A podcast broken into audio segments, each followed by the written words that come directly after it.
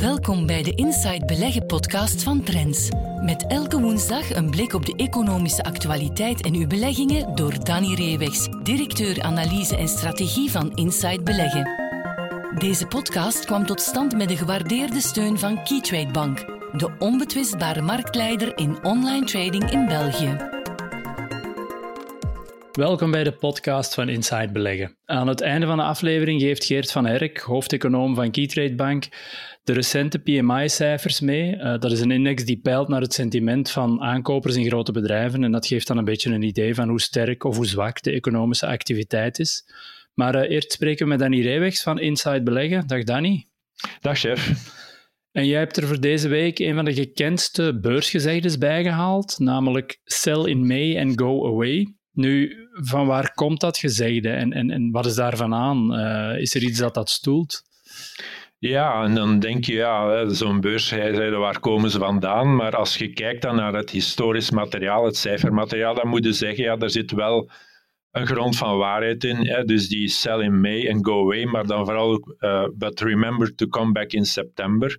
Dat blijkt inderdaad dat er wel een soort cyclus is, dat de prestaties tussen mei, augustus en september, ja, dat die toch wel een stukje lager liggen dan de rest van het jaar. Hè. Dus de, beste periode is toch kopen september, oktober tot uh, het voorjaar, uh, maart, april. Dat is toch meestal qua rendementen zit je daar tussen 6 en 7 procent. En tussen mei en augustus tussen 0 en 2 procent volgens de tijdsperiodes en volgens de studies die gebeurd zijn. Uh, verklaringsfactoren, ja, er wordt veel over gezegd, zijn veel, vaak ook tegenstrijdig. Dus heel eenduidig is het niet.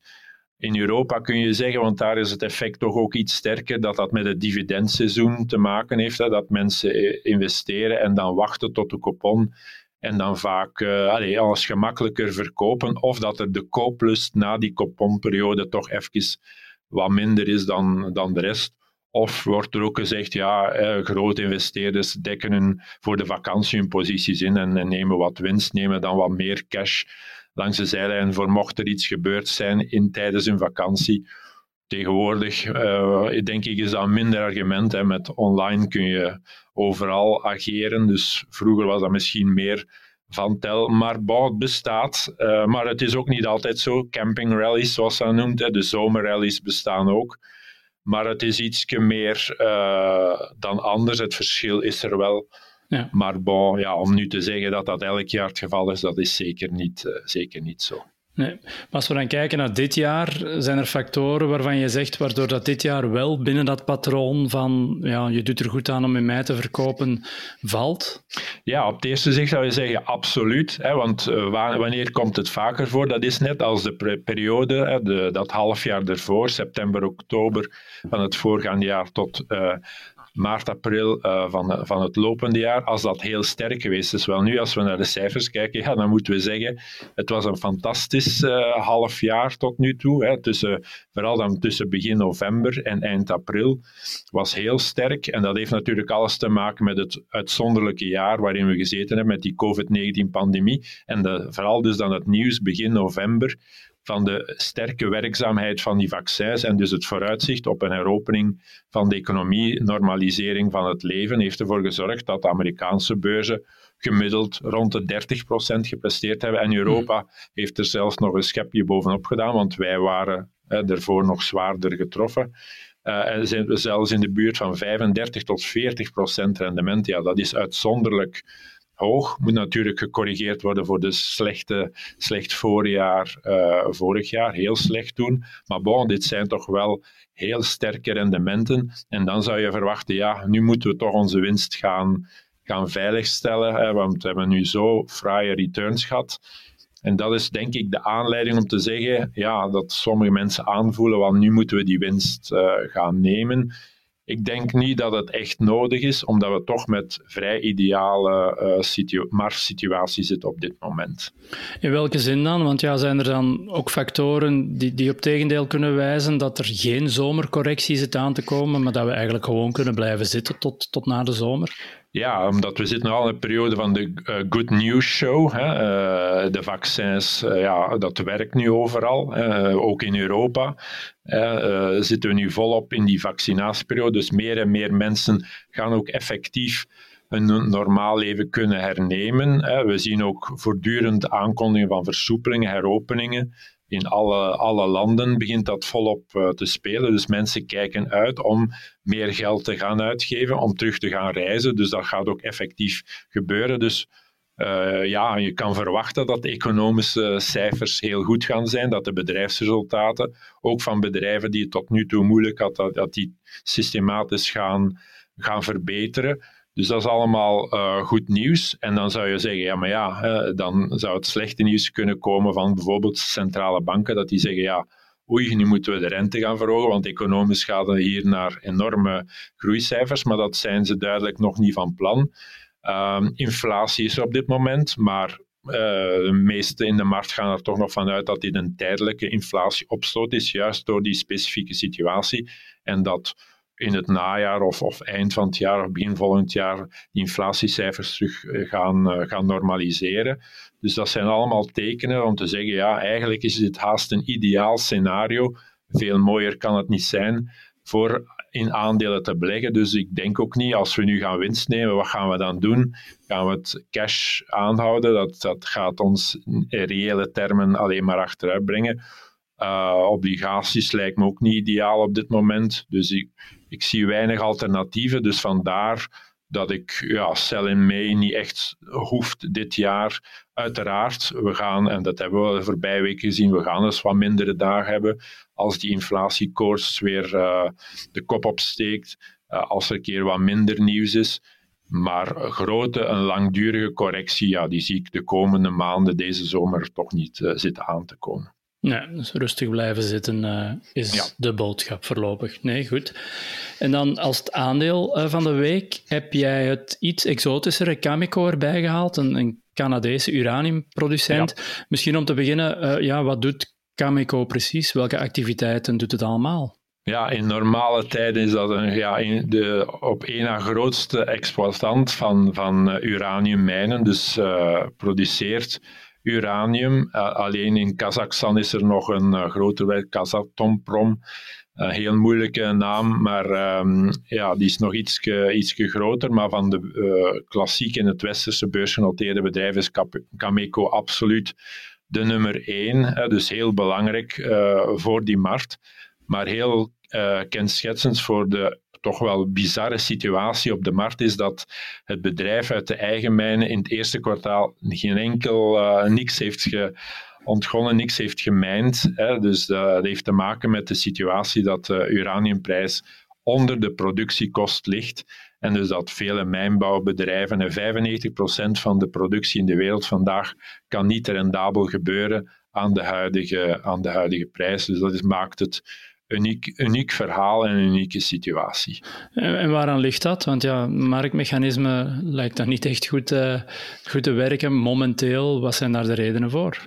Ja, het heeft nog alles te maken met de nasleep van, van Fukushima, de grote ramp. Uh, de kerncentrale in, in Japan daar, uh, heeft toen toch voor een hele ommekeer, vooral in het Westen, gezorgd. Japan, Duitsland en zo zijn landen beslist hebben, ja, kernenergie, daar willen we niks meer mee te maken hebben. Er zijn er ook nog die reserves vroeger vanuit die ex-Sovjet-republieken.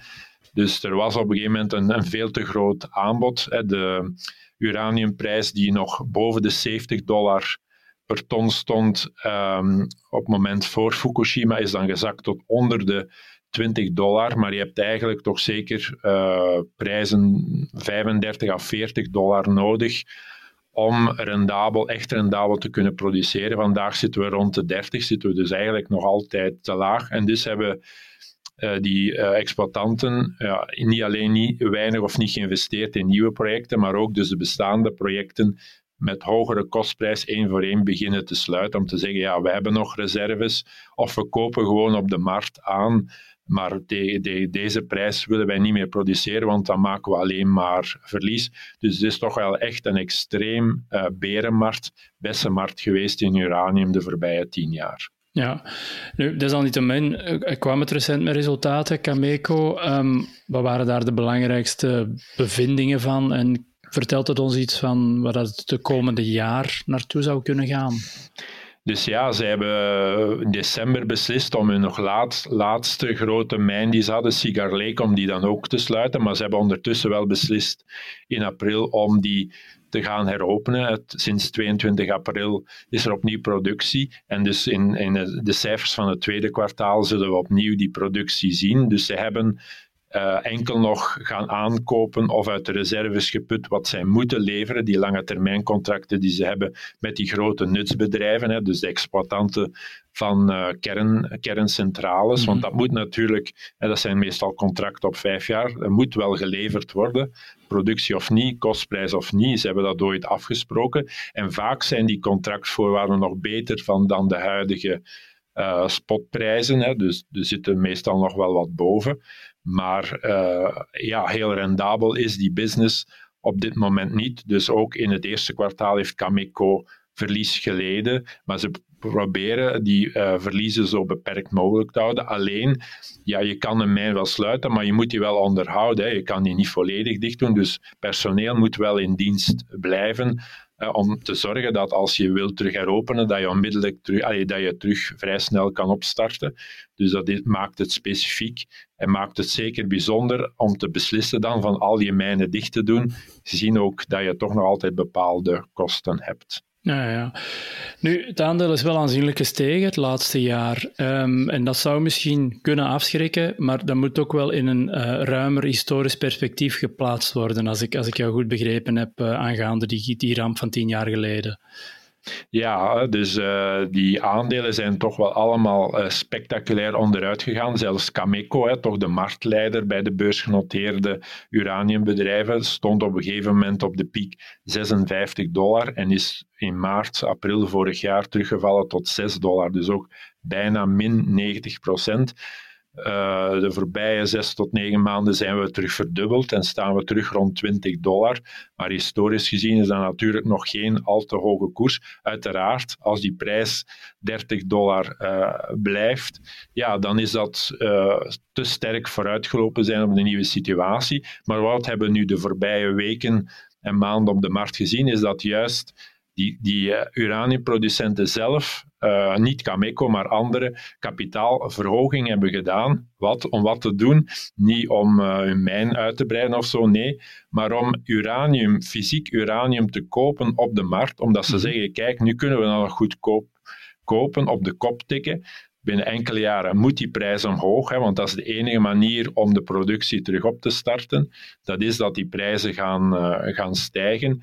En dus is er nu voor 8% productie 2021 gekocht door kapitaalverhogingen van, van de exploitanten.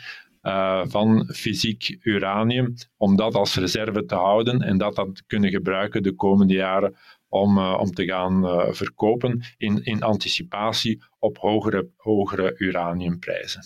Ja, want als we een beetje uitzoomen en een bredere plaatje en die markt voor ogen willen nemen, wat, moeten we daarvan weten en hoe moeten we daar de komende jaren of de komende periode naar, naar kijken wat betreft de ontwikkelingen op die markt? Ja, dus we zien heel wat grote investeerders, die ook de vorige stierenmarkt, die heel spectaculair was in uranium, want het is een kleine markt, dus dat gaat heel hard naar boven, maar ook heel hard naar beneden. dus de vorige keer is gemiddeld, zijn er heel wat aandelen maal 20 en meer gegaan.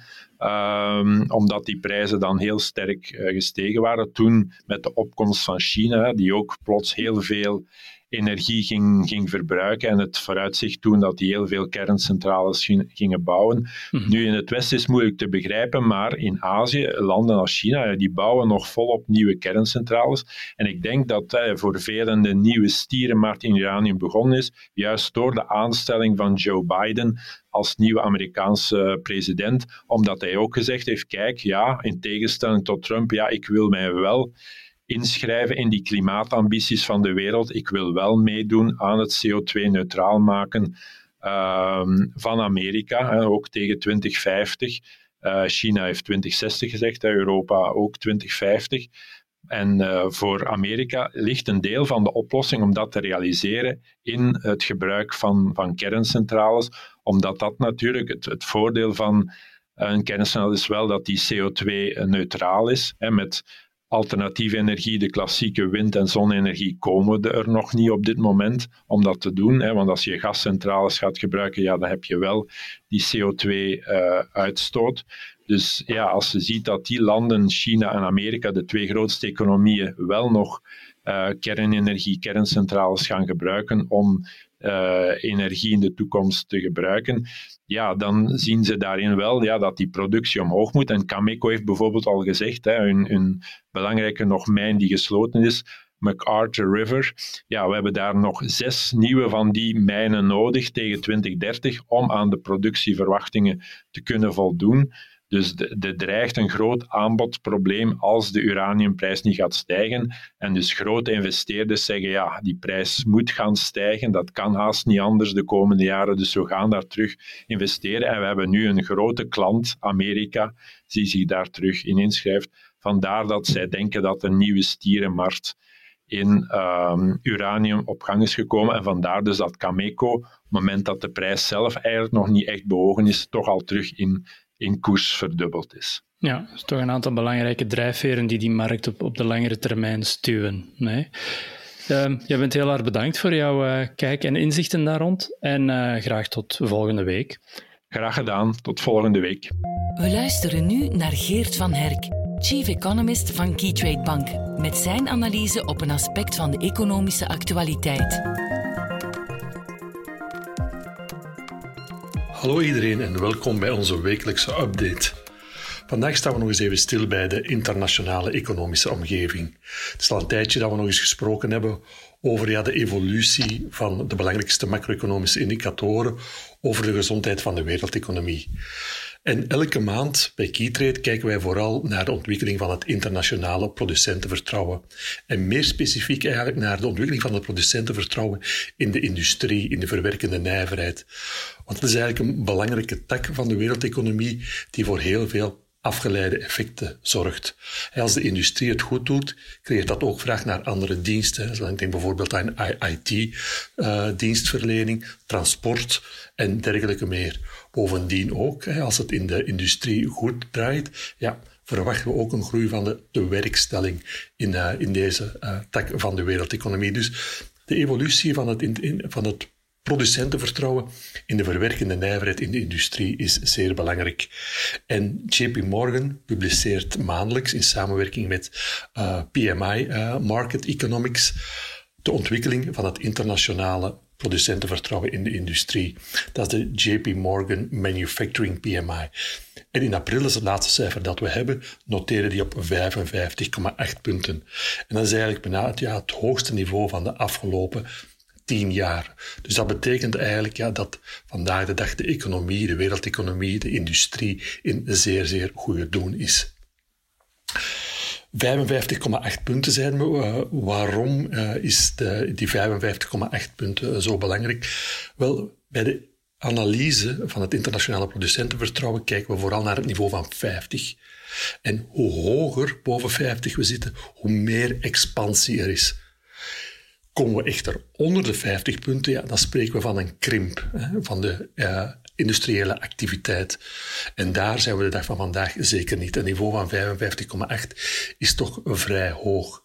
En het rapport is ook onderverdeeld in verschillende uh, deelindicatoren. Zo is er bijvoorbeeld ook een indicator die meet van ja, hoe verwachten de bedrijfsleiders dat hun exportorders de komende tijd zullen evolueren. Hoe verwachten industriële bedrijfsleiders dat hun tewerkstelling zal evolueren? En ook daar zien we een verdere groei. Dus dat rapport duidelijk, duidt er eigenlijk op dat vandaag de dag ja, de economie, de wereldeconomie in zeer, zeer goede doen is. En we zien daar natuurlijk ook de effecten van eh, op de financiële markten. De industrie doet het vrij goed en daardoor zien we toch al een tijdje, en dat hebben we ook in deze podcast al dikwijls aangehaald, dat die cyclische sectoren het enorm goed doen op de beurs. Denk daarbij opnieuw aan staalbedrijven, chemische bedrijven, uh, bedrijven die in industriële toeleveranciers zitten, auto, automobielproducenten, noem maar op. Dus alles wat cyclisch is, presteert de dag van vandaag vrij goed. En zolang deze toestand gaat aanhouden, dus die, die continue evolutie, expansie van dat industriële producentenvertrouwen, denken we ook wel dat dat thema van dit jaar, dus de, de voorkeur voor cyclische bedrijven, ten nadele van ja, dienst, uh, we zeggen defensievere uh, aandelensectoren of ja, ook de technologiebedrijven, dat dat toch wat het thema gaat blijven en dat de voorkeur van de grote beleggers zal blijven uitgaan naar die cyclische bedrijven. Want uh, zoals reeds gezegd, 55,8 punten voor het internationale producentenvertrouwen in de industrie. Ja, dat duidt niet onmiddellijk op een groeivertraging of op een nakende recessie. Wat wel uh, onder de aandacht moet gebracht worden, is natuurlijk ja, dat die industriële bedrijfsleiders uh, toch ook nog altijd zeggen ja, dat de prijsdruk blijft. Hè. Dus de grondstoffenprijzen zijn gestegen, maar ook tal van producten en diensten die de bedrijven gebruiken in hun, in hun productieproces, die zijn de afgelopen tijd duurder geworden. En natuurlijk kan die bedrijfsleiders er ook alles aan doen dat ze die hogere prijzen kunnen doorrekenen aan hun klanten. En zo zien we toch al een tijdje hè, dat de inflatie uh, aan het oplopen is.